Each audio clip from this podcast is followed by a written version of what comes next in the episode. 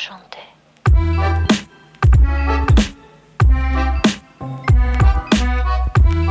Varmt välkomna till Toto 5, det är den 25 oktober och eh, vi gratulerar FC Rosengård, svenska mästare 2022.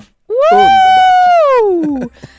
Nu får ju Kimpa lägga in någon liten härlig sång här då. Fanfar! Ja, Fanfar, klassiker. Ja. Han, har, han, har, han har den på liksom eh, snabb, snabbknappen. Ja, Eh, vi kan köra fanfar lite då. Jaha, men det här, helt ärligt, Petronella Robin, eh, eh, härligt att höra era röster här. Eh, jag är lite hes, det, det, det var hett på ledar, eller vad säger jag, på föräldrasidan nere i, i, eh, i Spanien. Eh, och man hejar och man har sig liksom.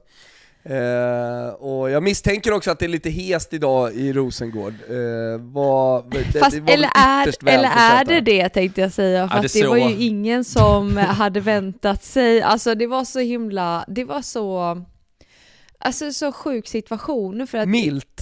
Ja, alltså det var så roligt. Jag satt ju under, eh, när vi satt och kollade på matchen igår, när Kalmar gör eh, 2-2. Då ringer jag upp Seger och jag bara, vad är det som pågår? Och de satt ju också helt chockade och bara, men alltså det här är inte kul. Alltså vi vill inte vinna SM-guld på det här sättet. Vi, alltså de satt hemma, liksom, vilka var det? Seger, Olivia, Fiona och Berglund satt ju hemma och kollade matchen. Alltså de var ju inte ens förberedda på att eventuellt fira det här, för det var väl ingen som trodde att Linköping skulle tappa poäng mot Kalmar.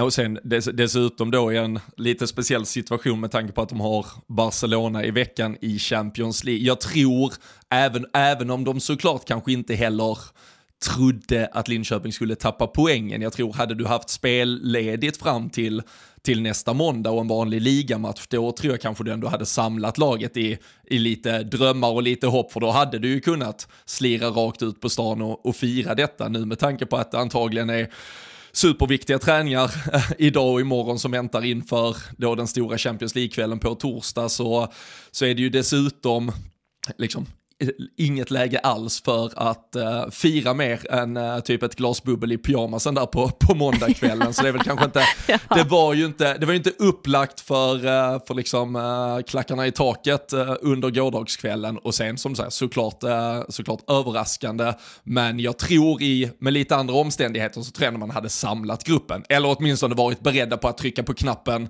direkt man ser att det börjar bli verklighet. Ja, nej men det var lite kul för att eh, jag gjorde Toto Balotto med Gusten igår och eh, han hade ju pratat med Erik Friberg och Ja. eh, hade ju frågat eh, om de satt beredda, liksom samlat hela laget för att se på Djur- Djurgårdens match. För om de eh, hade förlorat, tappat poäng, eh, så hade ju Häcken blivit mästare i kostym. Ja, Eh, och det var ju samma upplägg då för Rosengård, men då, Häcken hade ju absolut inte gjort det. Utan eh, alla, alla var hemma och visserligen kanske så här. I det fallet, till, skillnad från liksom, Linköpings poängtapp, kanske lite mer räknat med att Djurgården bara skulle vinna över Sundsvall. Eh, Ja. Det var en ganska klar match på förhand. Här Sundsvall är ju säm- Ja. ja sämre fast det är ju det kanske, här men det är också för sig. Det är ju ungefär samma förutsättningar faktiskt, alltså en toppkonkurrent mot ett Ja. riktigt bortgäng. Men i Häckens fall, om vi pratar här sidan så tror jag ju att Friberg och gänget, de hade ju däremot tryckt på knappen om det blev verklighet igår. Och sen hade ju Göteborg Ah, ja, ja. fortfarande stått i brand liksom. Så det, det där är väl skillnaden, att Rosengård Ah, inte ens... i brand, ju en skarv alltså. Alltså det är ju inte fansen som hade stått för det, men, men uh, Friberg och gänget hade väl kunnat Jag lösa köper. det ganska bra på, köper. på egen hand i alla fall. Absolut, absolut, absolut. Men eh, alltså verkligen stort grattis ändå tycker jag, välförtjänt att eh, Rosengård vinner i år igen, får man ändå säga, även fall jag tycker att eh, Linköping har verkligen imponerat på mig. Eh, och alltså det är helt eh, sjukt vad jag säger imponerande i, igår. Jag tänkte på det i studion efteråt, jag bara fan vad jag säger imponerande, men jag är väldigt imponerad. men men eh, eh jag, jag tycker att de har gjort en väldigt fin säsong, men tyvärr så ifall det har att göra med nerver eller vad det nu än är så har man tappat här i slutet. Dels poäng eh, mot Kalmar nu igår, eh, vilket är en match som de bara ska vinna. Alltså så är det bara. Det är stor skillnad på de här två lagen egentligen. Men eh, Kalmar krigar ju för sitt liv och eh, försöker försvara målet eh, och lyckas ändå få med sig en poäng. Väldigt viktigt för dem också såklart i, i bottenstriden. Men sen även missen man gör mot Häcken och hur man har presterat liksom senaste matcherna. Så ja, jag vet inte. Nu kan man ju till och med, vilket är också ganska sjukt, man skulle till och med kunna missa eh, topp tre eh, beroende på hur det går nu mot Kristianstad i helgen. Och det hade ju varit eh, väldigt chockerande ändå måste jag säga ifall Linköping inte ens klarar tredjeplatsen nu helt plötsligt. Ja, samtidigt, det, det, tror jag ju att de gör. Och där är ju faktiskt, eh, de är såklart jättebesvikna över att den här, eh, eller poängtappet och att de bara tar en poäng mot Kalmar innebar att det var den slutgiltiga spiken i kistan men vi har ju suttit här i, i veckor nu och bara väntat på att Rosengård matematiskt skulle säkra det här. Så, så att det skulle bli så här eh, är väl ingen jätteöverraskad över. Och däremot så är Rosengård, fem poäng eh, med två matcher kvar. Det är max så nära de hade kunnat komma om de hade vunnit matchen. Det här har ju redan varit avgjort. Och jag menar, tittar du neråt så är det fyra poäng ner till Kristianstad. Det, det, och Örebro sista, det, det ska liksom inte heller gå så. Sådär, så det, det... Poängen igår blir ju därför ganska viktig faktiskt, för den gör ju att gapet till Kristianstad är fyra poäng istället för tre poäng som det hade varit om de hade förlorat riktigt. mot Kalmar, för då hade ju Kristianstad kunnat, vid seger mot Linköping med tanke på att de här lagen möts, kunna ta sig förbi på samma sätt som poängen för Kalmar gör att de mer eller mindre antagligen har garanterat allsvensk spel, såvida vi inte får några jättesensationer i de här avslutande omgångarna. Så så även om det såklart var otroligt mycket besvikelse i hemmalaget så är det ändå två lag igår som med varsin poäng här antagligen ändå säkra det som inför säsongen var deras stora mål. I Linköpings fall att ta sig ut till, till Champions League och i Kalmars fall att hålla sig kvar. Så eh, det är ju det är ändå två lag som, som överlag den här säsongen när de tittar tillbaka på det och när vi sitter om någon vecka och kanske summerar allting så tror jag det är två lag vi kommer lyfta fram som ändå är positiva överraskningar i förhållande till sina styrkor den här säsongen. Och sen, sen får väl Rosengård när det väl blir eh, guldfest bjuda in eh, Alissa Walker kanske, det var, det var ju hon som stod för showen för Kalmars del och 2-2 målet är ju eh, en jävla delikatess också. Så det var, det var ändå ett Kalmar som, som visar, där tycker jag om vi pratar de andra lagen i bottenstrid, där finns lite spets i det här Kalmarlaget som inte har funnits i de andra bottenlagen, vilket är det som jag tror är tungan på vågen här som gör att de stannar kvar när vi väl summerar allting. Alltså jag tycker att man har fått in Nambi eh, nu för några matcher sedan, det har ju blivit ett jättelyft för Kalmar. Sen har jag varit lite förvånad över att inte Alissa Walker, hon har inte heller startat då sen Nambi kom, men fick ju starta igår. Och eh, gör ju det jättebra, gör två mål direkt och visar ju verkligen på att så här, varför har du satt mig på bänken? jag ska starta här. Eh, men annars så tycker jag precis lite som jag sa igår också i studion att så här, jag, jag har lite svårt att se Kalmars identitet och jag tycker väl inte att det är, alltså, det är, det är inget lag som direkt har liksom imponerat på mig, men eh, absolut som du säger Robin, de har några spelare, men eh, väldigt, väldigt få och eh, som liksom imponerar och har lite spets. Men annars så är det ju ett lagbygge eh, mer bara ihopplock av spelare som man har försökt att få ihop så bra det går. Och eh, kanske att man klarar det allsvenska kontraktet det beror helt och hållet på, liksom, nu Umeå möter BP i helgen. Den matchen är otroligt viktig. Uh, och sen har Umeå och Kristianstad sista matchen. Eh, uh, Medan Kalmar har AIK, så det är ju det är kul fortfarande på något sätt att det ändå lever om liksom tredje platsen där uppe i toppen och även i botten. För annars är det ju ganska tråkigt när det avgörs uh, så här tidigt, även om det är två matcher kvar, men att Rosengård redan är klara. Man vill ju gärna att det ska avgöras sista matchen i en drömvärld mm. såklart. Men... men, eh, nej, men där är ju, där är verkligen mycket kvar att, att, att, spela för och jag tycker också, vi var inne på, på det imponerande med Rosengård, det är ju, det, det blir ju lite så här sen, sen eh, alltså när höstserien drar igång, det är ju även Häcken som har imponerat och där där kommer väl den här klassiska delen av rutin och, och förmågan att eh, både som klubb och, och, många spelare som har, har varit med om situationerna tidigare och hur man samlar ihop sig och hur man eh, Gösta Rosengård har väl den där plumpen mot Piteå egentligen, sen har man ju mer eller mindre gått rent och då har man växeldragit det med lite kvalspel och, och Champions League-spel och ändå och ändå visat på, på, på den här bredden, uh, ja, kombinerat med såklart spets på spelare som gör att man har kunnat ligga på ibland 80-90% bara ändå eh, stå för både prestationer och resultat. Så eh, Rosengård återigen 13 guldet är det väl och eh, visar att eh, de är eh, Sveriges eh, största mästarinnor där ute. Ja, och, och jag tycker sett till truppen, hur den eh, faktiskt ser ut och vad man, alltså man, man ska ju ändå komma ihåg det att man tappar alltså Cankovic i somras och även Katrin Veje som hade ju, eh, startade ju varje match på vänsterbackspositionen. Och jag menar det var ändå ganska tunga tapp, även fall jag tycker att Cankovic mycket, mycket större tapp än, äh, än Veje. Men, Sen hade hon ju inte spelat så mycket heller ska jag säga, hon kom ju bara nej, precis tillbaka. Nej. Jag vet inte vad hon gör till slut, en ja. handfull matcher typ, i, alltså hon spelar väl bara 5, ja. 6, 7 matcher kanske i, i serien under säsongen. Men sett till, sett till att så här, vad man kanske hade ändå vad det är för typ av spelare.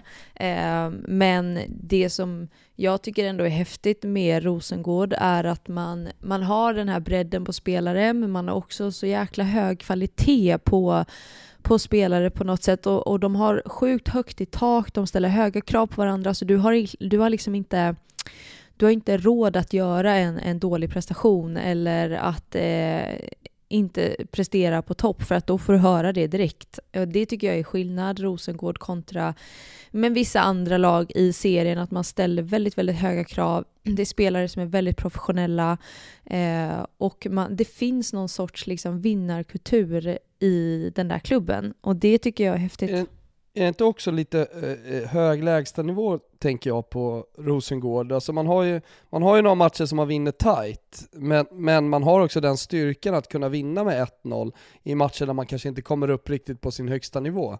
Eh, och, och just den lägstanivån tror jag blir avgörande under den här hösten.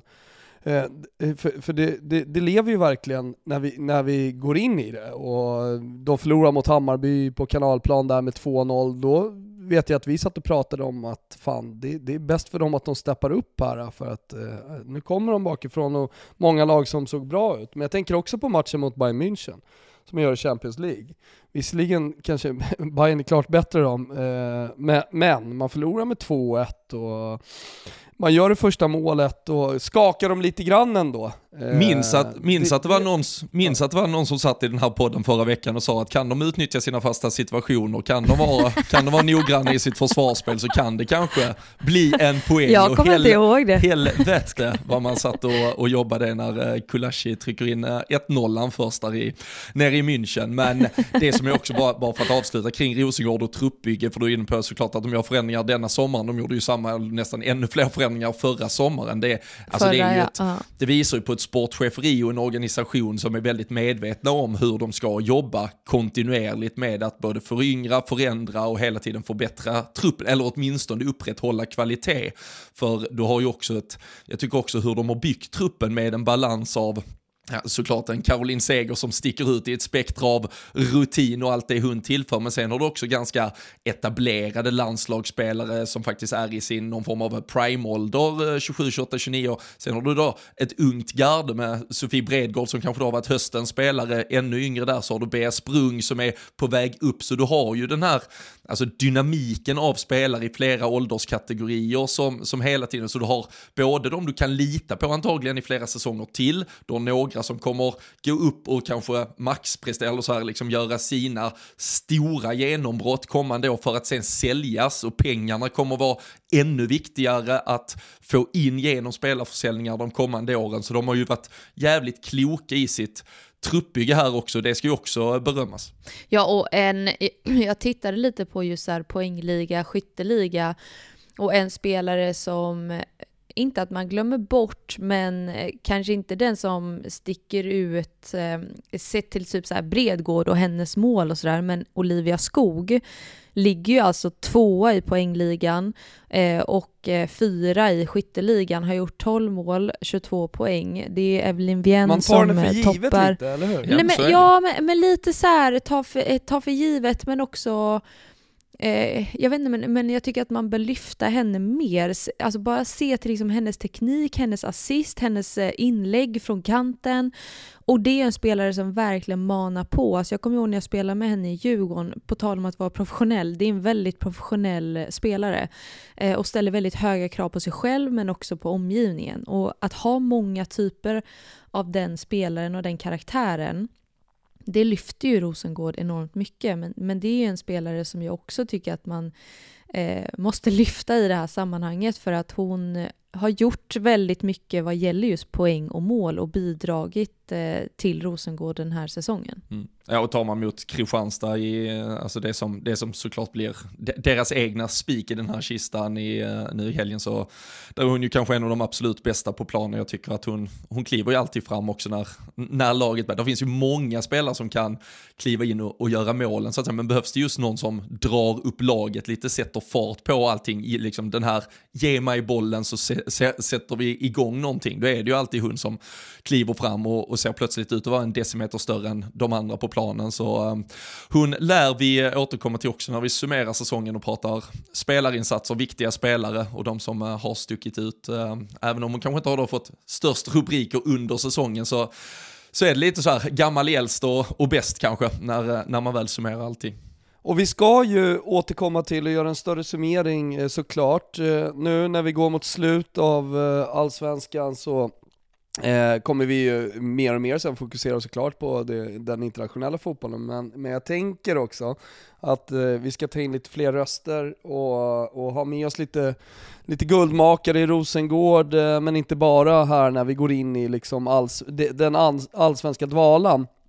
Eh, efter säsongen. Så folk som har saknat att vi, att vi har med oss eh, lite gäster på länk och, och sådär. Det kommer, vi skulle haft med oss Karin Caroline Seger men pusslet höll inte här på morgonen. Så, så det, det, det, kommer och vi kommer ta ett större grepp om det också, vad det lider. Jag tänkte bara, när vi ändå håller på och gratulerar lag så tycker jag att vi ska gratulera Växjö. Som står för en otrolig prestation i Elitettan. Eh, de står nu på 60, 62 eh, poäng, går mot Invincible-säsongen nere i andra divisionen. For what it's worth eh, att göra i andra divisionen, men ändå imponerande. Mm. 73-12 i målskillnad säger en hel del. Ja, ja, ja, och en målvakt alltså. som vägrar släppa in mål va? Ja men precis. Vi, när Eller ett försvar, vad ska jag säga? Ja men på gratulerarspåret så, så får vi väl även då gratulera Louise Högrell som när hon höll nollan nu i helgen igen, så, eller hon behövde egentligen bara några minuter där i, eh, i matchen för att passera gamla, framförallt Halmstad BK-legenden då på här sidan Håkan Svensson. Så eh, Louise är nu den målvakt som har längst hållen nolla i eh, svensk elitfotboll genom alla tider. Uh, uppe på, uh, vad var det, 900 minuter närmare, 870 åtminstone. Så uh, nej, det, är ju, det är ju hatten av där och någon form av guldhatt på till både Växjöspelarna och Rosengårdsspelarna. Och Louise lite extra hyll till henne. Det ska sägas också att deras F19 eh, under där går väldigt bra också i eh, F19 Allsvenskan och jag tror att de är framme i semifinalen nu, om de har kommit så långt i alla fall. Men, men så, så Växjö gör saker bra. Ja, och eh, sen tycker jag if ifall man ser till eh, den truppen det ändå känns som att de har börjat bygga och det känns som att man har ett annat sikte och förhoppningsvis är lite mer förberedd. Vi pratade om det förra, förra veckan, men just att man är bättre förberedd tror jag den här gången inför allsvenskan än vad man var sist. Man tog ju bara 11 poäng i förra säsongen och åkte ut, ehm, men att man nu kommer med en sån här säsong, kanske går då obesegrade genom hela serien, vilket är ju otroligt imponerande och eh, sen kommer upp till finrummet. Så att det ska bli häftigt att se Växjö nästa säsong i Allsvenskan igen. Verkligen. Vi närmar oss ju slutskedet, som sagt F19, F17 också, det är också SM eh, där. Eh, har, har, har match mellan eh, eh, eh, tränare som jag träffade i somras under Gothia Cup som eh, har gjort det otroligt bra, men deras 05 en så här supergeneration i Södra Sandby, nere från Lund. oj oj oj, det är ju nästan väl, mina hoods. Vart det massa Gothia-finaler och, och grejer, exakt nästan dina hoods. men, men de har framförallt en, en 05-trupp som, som varit otrolig. Möter då min, min, mina tjejers tränare, som också har Hammarbys F17 i semifinal i helgen. Så där blir det där blir en batalj, det ska bli jävligt kul att följa. Men det är kul nu när man går in i liksom så slutskedet på säsongerna, för det lever ju också i Elitettan neråt, IFK Norrköping, som rimligtvis borde ha resurser för att göra en satsning, även om de går upp, i, alltså, om de går upp nu i Allsvenskan och, och liksom kunna knyta till sig riktigt bra spelare. Eh, men där bakom då inför de två sista omgångarna jagar Uppsala och, och Allingsås eh, också. Eh, så får vi se vem som kniper sista kvalplatsen eh, och eh, det är nästan det som det, det blir ju egentligen det, det, det roligaste att följa här, bottenstriden i, eh, i Allsvenskan och, eh, och toppstriden där precis bakom eh, Växjö i Elitettan. Uppsala har ju Malbacken och eh, men Allingsås har ju tufft motstånd mot just Växjö till helgen. Så vill Växjö gå för en invincible säsong så kommer det ju bli väldigt tufft för Allingsås att komma nära den där tredje platsen. Mm. Och det vill de. Kan vi ju, ja, och om vi går eh, sen eh, några steg längre ner i eh, tabell eller seriesystemen så kan vi faktiskt också passa på att gratulera både Malmö FF och IFK Göteborg om vi pratar lag med muskler att stå för större elitsatsningar. Båda lagen upp till division 1 nu. Så gör de vad de har gjort de senaste åren, då, då är vi bara ett år bort från att ha dem i elitettan. Och sen kan vi väl börja följa med... Sen blir det åka av. Ja, sen blir det. Ja, vinner du ditt kval eh, i Malmö, jag såg inte resultaten exakt i Göteborgs fall, men eh, Malmös fall så är det ju 10-0 i dubbelmötet mot eh, Åhus. Så ja, det är väl lite, lite håll käften-insatser det har varit rakt det var inte så mycket Det var inte så mycket nerver för Malmö i helgen. Nej, det, nej, alltså det, det, det, är så fint när man ändå efter då 6-0 borta i första mötet så är det så här inför intervju med äh, tränaren på, på hemsidan, jag satt och läste lite och de bara så här, vi förbereder oss för en uh, tuff match, vi vet att allting kan ja. hända, det, det, är 90 minuter, ja men man bara sluta. Men, ja, ja. man bara nej. Det kommer inte hända. Visst, visst.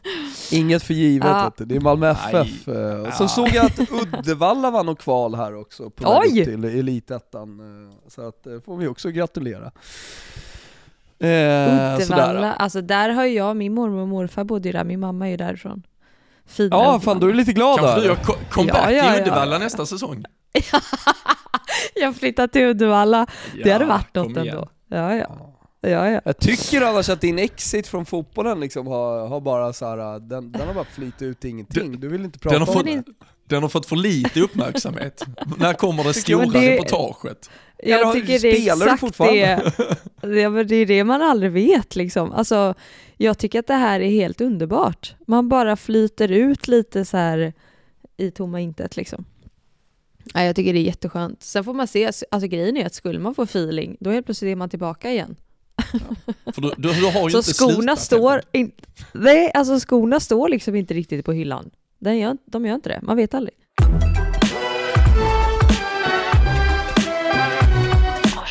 Nej men eh, om, vi, om vi tar oss ut lite i Europa, det ska ju spelas Champions League sen en vecka kan vi nämna sen, men, men eh, är, det, är det någonting som ni tycker sticker ut från helgen? Ja, Milan-Juventus.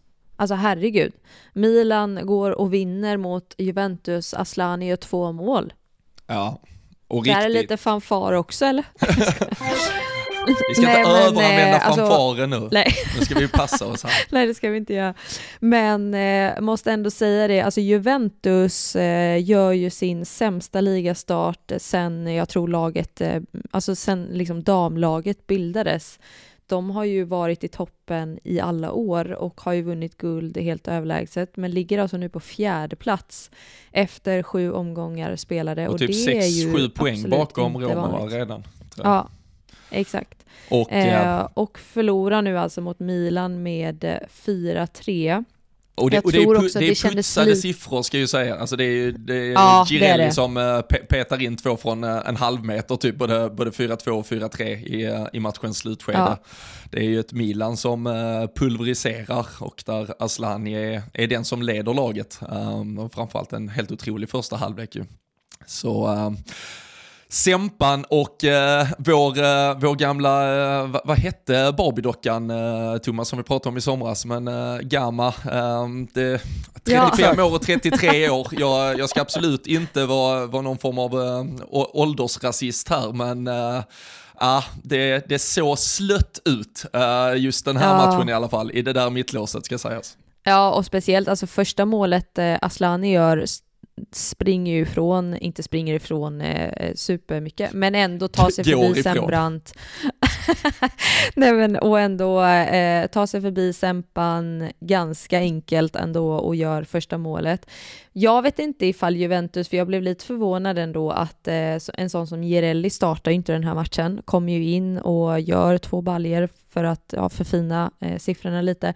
Men Juventus har ju Lyon nu i eh, veckan i Champions League och ifall man då kanske vilade lite spelare för att mer satsa på eh, Champions League. Vet inte ifall Juventus allmänt satsar mer på Champions League i år än ligan, ingen aning, men det är lite känslan i alla Jag har fall. en fråga där, eller en fundering kanske snarare. Eh, nu när man har gjort det uh, ligasystemet med fem lag som, som eh, går till en slutspelsgrupp, då behöver man ju liksom inte riktigt bry sig om vilken placering man hamnar på där tänker jag. Eh, bla- bland, bland de fem och att man kan vara lite tryggare i att eh, rotera inför Champions League för att resultatet kanske inte spelar så jäkla stor roll. Förstår ni vad jag menar? Men, men vi pratade om det, alltså det är inte så att ligan delas och sen så börjar, Och börjar du på på noll, noll. poäng. Utan du tar ju med Utan dig du har poängen. ju fortfarande, alltså du har ju fortfarande samma poäng så att alltså ligger Att du vara 10 poäng bakom Roma när det vänder femt- ja. och du bara ska möta topplag sen i, i åtta omgångar. Nej, det kan ju bli blir. tufft. Jag menar inte att du bara kan liksom rotera bort dig eh, i det här läget, jag vet att vi pratade om det. Däremot så blir det ju direktmöten sen. Och i, i direktmötena liksom, då, då, då kan man ju ta tillbaka en jävla massa poäng menar jag. Så är det snarare såklart. än om man liksom ska möta eh, botten 5-10 i de sista omgångarna. Jag menar det finns Nej, ju mer att göra så att säga för att förändra ett tabelläge. Ja, och jag, men jag tror att eh, Juventus trodde att det här laget nog kanske var tillräckligt. Som du säger, det är inte bara Girelli, det är ett par, två, tre spelare till. Och tittar vi runt omkring i Europa så gör ju Barcelona och Chelsea samma saker i helgen. De, de roterar eh, jättefriskt i sina trupper, men däremot så finns det ju alltså den kvaliteten som kommer in istället. Där, där har vi ju ett par lag uh, som, som ligger ett par steg före Juventus just i det, alltså det breda truppbygget med mycket spets som även är tillgänglig på bänken. Så jag tror att Juventus nog ändå hade en tro här. Och pratar vi Champions League så har ju, och då att de möter Lyon nu i veckan som kommer, så har ju faktiskt Arsenal med sin riktiga jävla håll käften-insats i Frankrike Ja. förra veckan när de vinner med, som är 5-1 mot Lyon. Vi kan väl ta ett litet eh, Champions League-sammandrag sen, men där har de ju då satt sig i en situation där kanske de då är favoriterna till att vinna den här gruppen och där Juventus då i så fall ska slåss om en andra plats mot just Lyon och då måste man ju vinna den här matchen som kommer i veckan. Så det är ju klart att fokus har antagligen ställts om lite i, i helgen och man ja, snurrar några spelare, men eh, och sen med tanke på Milans säsongsinledning så har man väl trott att ah, eh, Milan ska vi nog kanske kunna klara av, men eh, det är ju fortfarande ett lag, vi pratade om det för länge sedan här med, hade väl plockat in tio nya spelare ungefär, alltså, så det finns ju spets i det här Milan också, eh, bara det att kanske i början av säsongen så fick man inte riktigt saker och ting att falla på plats, men, men i en match där då Juventus inte är fullt påkopplade, då, då blir de ju straffade såklart mot ett lag som Milan. Ja, men, och jag tänker bara en sån grej att man eh, inte starta med Thomas i, i Milan utan Piemonte och Aslani uppe på topp. Thomas som gjorde, hon gjorde ju landslagsdebut med Frankrike nu senaste eh, landslagsuppehållet. Det säger också ganska mycket om Milans eh, trupp den här säsongen. Och det har ju varit för mig en ganska självklar spelare som har startat varje match. Men eh, får nu börja på bänken och komma in istället. Så det, Milan har ju också någonting spännande på gång den här säsongen. Även ifall man har förlorat mot eh, vad är det, Fiorentina, Roma och Men även man fick ju inte Inter, ihop va? lag, men det är det jag menar, man fick ju inte Nej. ihop riktigt laget inledningen på säsongen, men att det är spets, eller att det är kvalitet i truppen till att när saker och ting faller på plats, att man ska vara med där. Och där, de kommer vara ett av lagen som, för nu tror jag, nu börjar vi ju se den här segmenten, nu har vi ju nog vad jag tror kommer vara topp fem och botten fem um, i, i ligaspelet, där det är såklart Sassuolo som sticker ut eh, extremt negativt. Alltså vad är det två- som två- pågår? Ja. Två, två inspelade poäng i botten av tabellen, men annars så har vi ju nu båda Milano-lagen och så har vi Roma, Juventus och så har vi Fiorentina eh, på övre halvan och eh, nu, nu börjar det bli ett litet, litet hål. Samt då. jag hade ju en, en succéstart på säsongen men de, de ska ju egentligen inte eh, kanske vara med och slåss där uppe. Så det, jag tror vi har satt de två segmenten eh, i, i Serie A åtminstone i alla fall för hur det kommer att se ut under säsongen. Men det var så roligt också hur vi pratade om inför säsongen att just det, det är ju något av de här lite större lagen, klubbarna som kommer hamna utanför topp 5 och vi pratade bland annat om Sassuolo då, men man trodde ju inte att de skulle ligga liksom tok sist. Nej, det var ju typ eh, Fiorentina, ju... Sassuolo, Milan, lite de med sin ja. tuffa inledning känner man. De tre Inter, så är det nu två typ, som kanske, man. ja precis, ja. men uh, nej, uh, Sassuolo har ju redan checkat ut och tackat för sig. Det här Känner man inte att eh, liksom, Serie A, italiensk damfotboll, är fortfarande så jävla ung?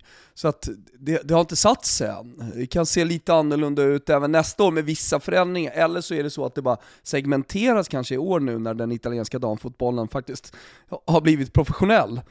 Eh, ja, och, och gått från liksom amatör till proffs, och att, att, att de stora klubbarna då känner kanske ännu mer att så här, bra, nu kan vi göra skillnad nu kan vi kliva in här och liksom pumpa in lite pengar. Eh, så, så, så, som sagt så ser vi till att vi, vi, vi är i den här toppen och är, liksom, är med och slåss om, om, eh, om titlarna, eller? Jo, och där krävs, ju, där krävs ju nästa steg också tror jag för att eh, den italienska fotbollen, alltså för tittar vi fortfarande på matchinramningar, typ av arenor man använder sig, det är ju de här riktigt deppiga träningsfälten i, i många av fallen som matcher fortfarande spelas för och som, som spelare idag sitter du, sitter du hemma och är en Eh, jag vet inte, en B-sprung och funderar på vart ditt eh, proffsäventyr ska ta vägen och du sitter hemma och kollar på matcherna och så ser du att Milan spelar på något träningsfält medan eh, Lyon, Barcelona och Arsenal spelar på ja, det, det, gamla typiska då herrlagets arena med 30 000 på läktarna eller någonting. Det, det är ju klart också att det, det, behövs någonting för den italienska fotbollsprodukten som måste lyftas nu och det, det får ju ta kanske då ett år eller två eller tre men, men jag hoppas för italiensk fotbolls skull att de även även tar de delarna. Steg ett var såklart att fotbollsspelarna ska vara professionellt avlönade och ha förutsättningar för att kunna utöva sin sport till max, men man måste ju också bygga upp förutsättningarna runt omkring även för matchupplevelsen för att det ska ja, för att du inte ska eh, tappa mot i alla fall då Frankrike, England, Spanien som, som just nu tycker jag är på, och, och Tyskland såklart, eh, som är på helt annan nivå mm. ändå. Ja, alltså för att bara bolla över till det direkt, det var ju faktiskt Wolfsburg mot Bayern München i helgen och det var ju väldigt mycket folk på läktaren. Vad var det, typ ja, 20 000? 20, ja, det var över 22, 23. En mer kanske? Ja, men, ja, äh, men fantastisk inramning. Ja, verkligen eh, grönt överallt kändes det som, men eh, att Wolfsburg också går vinnande ur den matchen, på tal om liksom vad som hände i helgen, och stora matcher, så är det ju också en väldigt stor match och lite av en tidig seriefinal, alltså det är ju ofta mellan de två lagen det står sig. Och Wolfsburg vinner med 2-1. Tycker att de var mycket bättre laget och jag tycker att Wolfsburg ser väldigt, väldigt bra ut än så länge den här säsongen. Även för Bayern München kommer tillbaka lite i slutet. Men en sån som Pajor som man nu har fått tillbaka efter skada spelade ju ja, sju matcher förra säsongen, gjorde ju redan då åtta mål. Och nu är fem mål på fem matcher än så länge. Det är ju en riktigt bra spelare och bara se till alltså spelare som Wolfsburg har och som man har inte värvat jättemycket inför den här säsongen utan mer fått behålla och fortsätta bygga vidare på det man startade förra året. Alltså Alexandra Pop, henne har vi ju pratat om ja, men Hon är ju på nytt efter sommaren. Alltså, alltså jävla... vad är det som pågår? Så det, det är så fan ja. brutal. Jag, jag trodde för hon fick ju en jävla smäll av uh, Stanway. Det var, det var väl lite ja. uh, England-Tyskland-hat där som ja, över. Jag vet men det är så, det är så riktigt, alltså just med tanke på att hon skadade sig under sommaren och så fick hon den här smällen mm. och det, mm. såg ut som hela knät nästan så här, böjde sig bakåt, ah, när det trycks in med skor, så jag trodde fan det var värre, men hon, hon kunde ju äh, kriga på där ändå, men det, alltså Wolfsburg är fyllt med kvalitet, äh, rakt igenom ja, som du säger. Alltså och, Oberdorf, ja, vi har pratat om Svenja Oberdorf Hutz, tidigare. Äh, Ja. Gillråd är ju också svinbra. Och sen så kan vi också gratulera Julie Brand. Vi pratade ju om henne. Hon signade ju med Wolfsburg redan i januarifönstret men spelade ju klart i Hoffenheim. Men vann ju också Golden Girl här nu. Det är första gången som en en kvinnlig fotbollsspelare vinner det priset. Det har ju funnits för här sedan typ 2003. Eh, a golden boy. eh, vad är det under 20? Det är under 20 Ja, men va? Det är, all, det är alltid sådana här obskyra grejer som kan vara också med hur många Ja. proffsår man har eller vilket år du är född och när du Ja, är född på. oklart. Det, ja, det finns Ja. lite skit Men och vill, men vi den, eh, gratulerar. Ja, vi skiter i det. vi gratulerar Julebrand, eh, kom ju in från eh, bänken också i Wolfsburg och även så här, Jonsdottir har vi också där i Wolfsburg som vi har pratat om eh, tidigare så att det är ju väldigt, väldigt bra spelare som man har i Wolfsburg i år eh, och tror eh, ifall inte det kommer hända någonting väldigt dramatiskt på vägen så ser det ut som att de kanske går vinnande i år igen då. Mm. Ja, och där hade vi ju, vi hade ju eh, Bayern som tappar ju poäng mot Frankfurt i, i premiäromgången också. Det, det är ju li, alltså det har ju varit lite som vi har pratat PSG, Lyon i den franska ligan till. Alltså det är ju, du måste mer eller mindre, du måste i alla fall vinna 9 av 10 matcher mot det som inte är era internmöten och sen så ska du gärna då gå vinnande ur dem också för att ta det. Så tappar du, varje gång du tappar en poäng så, så kostar det dig mycket och nu visst, vi är bara ett par matcher in, men Wolfsburg har gått, gått rent och har 15 poäng på, på fem matcher medan Bayern då har 10 poäng bara och det, det, det gappet, även om det då redan, eller bara är efter fem matcher, så, så kan det bli lite för jobbigt och svettigt att uh, ta ikapp. Så uh, jävla fin start av Wolfsburg i alla fall.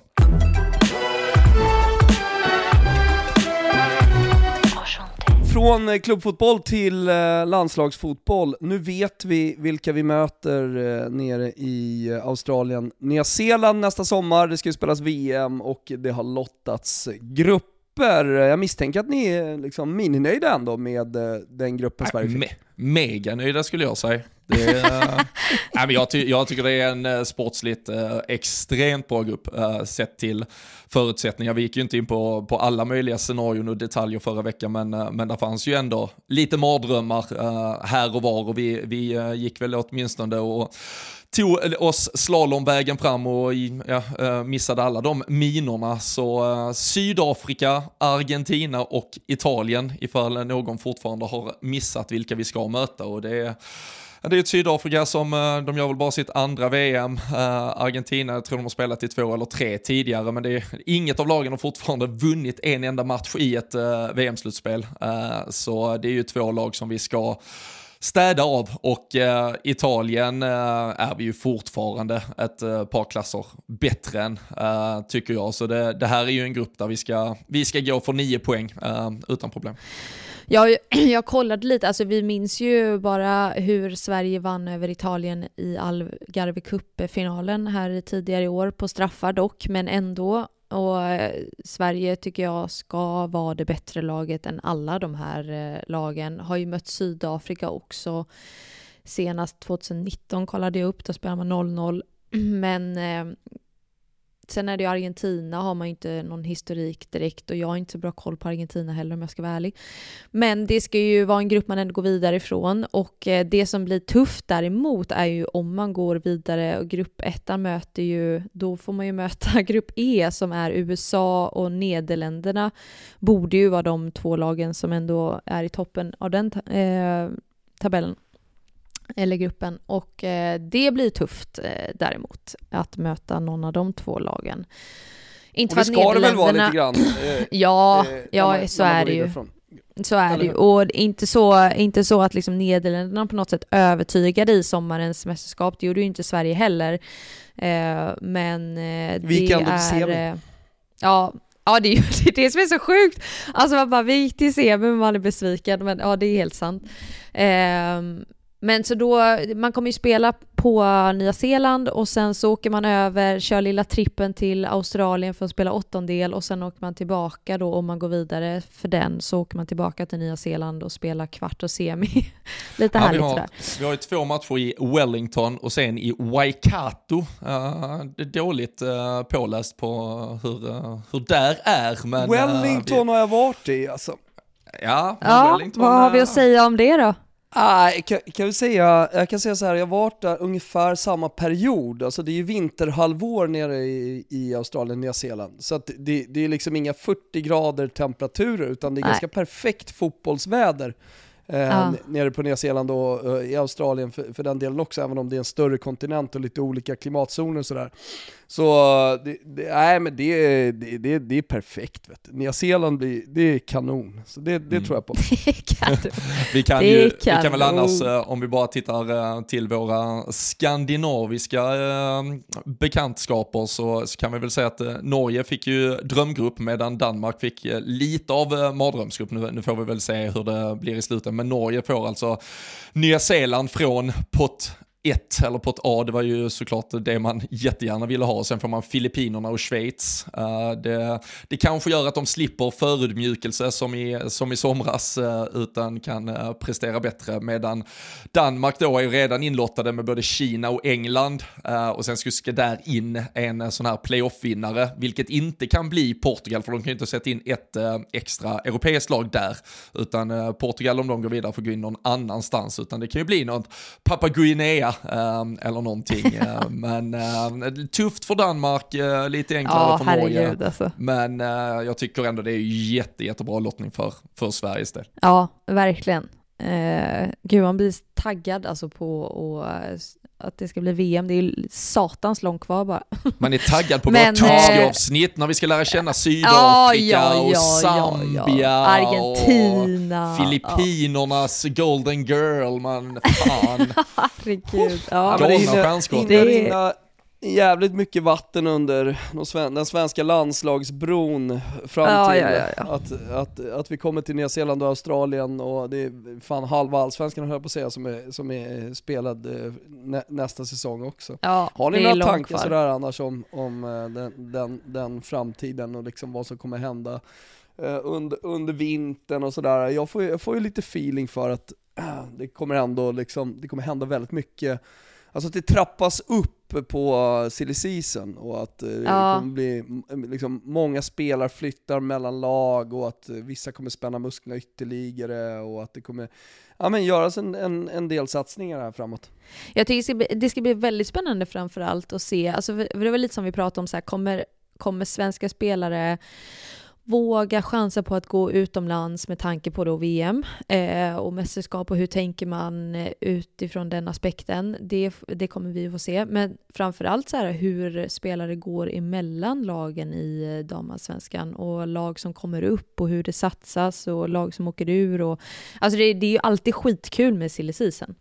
Eh, så att nej, det, det ser jag väldigt mycket fram emot, men svårt att säga. Ja, svårt att säga Om vi, om, vi, om, vi har någon, eh, om vi har någon eh, allsvensk spelare som är jävligt bra på att göra mål och vill ha ett utlandsäventyr så har jag en klubb i England i alla fall som söker en anfallare. Med tanke Ja. Du vem på... du vill ha? Nu är Ja. inte det en renodlad anfallare, men du vill ju ha Olivia Skog i det laget. Ja, ba, alltså, Ja, så länge hon gör mål, alltså Evelyn Viens eh, hade varit... det gör hon ju. Va, vad sa du Petter? jättedröm. 12 plus 10? Ja, alltså hon har ändå gjort 12, ja precis, 22 poäng. Ja men ta henne, hon kan, ta, kan hon ta med sig, kan hon samla ett gäng kanske? Tre, fyra stycken? Och, Ja. och, och, Ja, sätta här.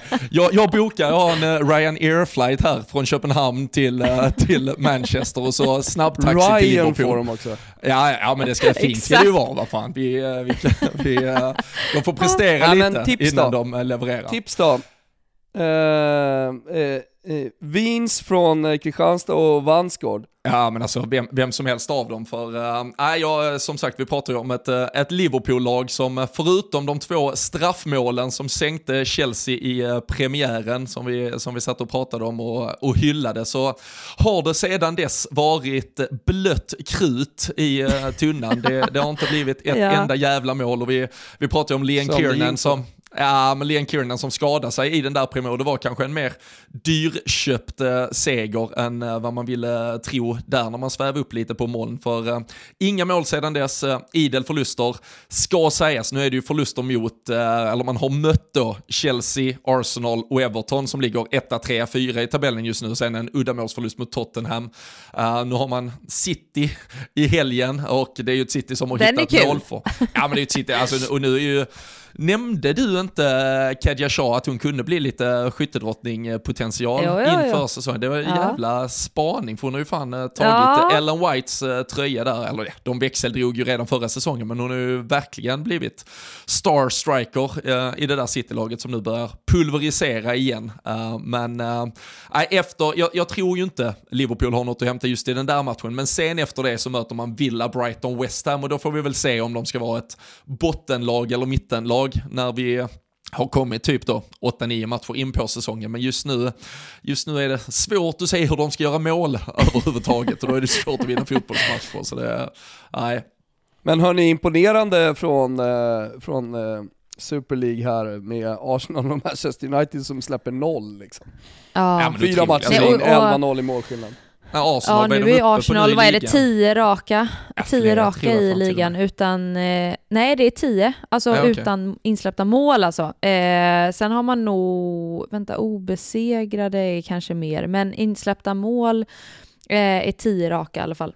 Och bara det säger ju väldigt mycket alltså. Ja, och lägg på, lägg på som sagt att de åkte till Lyon och gjorde 5-1 och, och det var ju fransk potatisgratäng av hela skiten liksom. Det var slakt rakt igenom. Uh, bet Men det, det jag eh, tänkte på det jag tänkte på däremot med just Arsenal, för man säger kontra då Chelsea, och vi pratade tidigare om hur Juventus roterar och lite sådär. Alltså Arsenal, och det pratade vi också om inför säsongen, man har inte värvat så mycket. Eh, Det är Hurtig egentligen, men eh, de har inte roterat alls lika mycket på just startelva och spelare och går ju nu in eh, också i Champions League i veckan och har ju spelat ganska samma startelva hela tiden kontra andra lag som har roterat väldigt mycket. Så det är ju frågan, är så här, kommer det straffa sig i slutet och kommer Arsenal orka hela vägen? Eh, det blir också väldigt Men intressant sen möter att se de, sen har de ju då, de har väl Zürich hemma i veckan istället i Champions League. Vilket är liksom 1,01 att de, att de vinner lättare, den. ja. Ja. ja, alltså de kommer ju troligtvis göra sin, om de nu roterar, Ja. eller åtminstone låter ett del spelare vila så gör de kommer ju väl det. in i 77 minuten i helgen och sådär.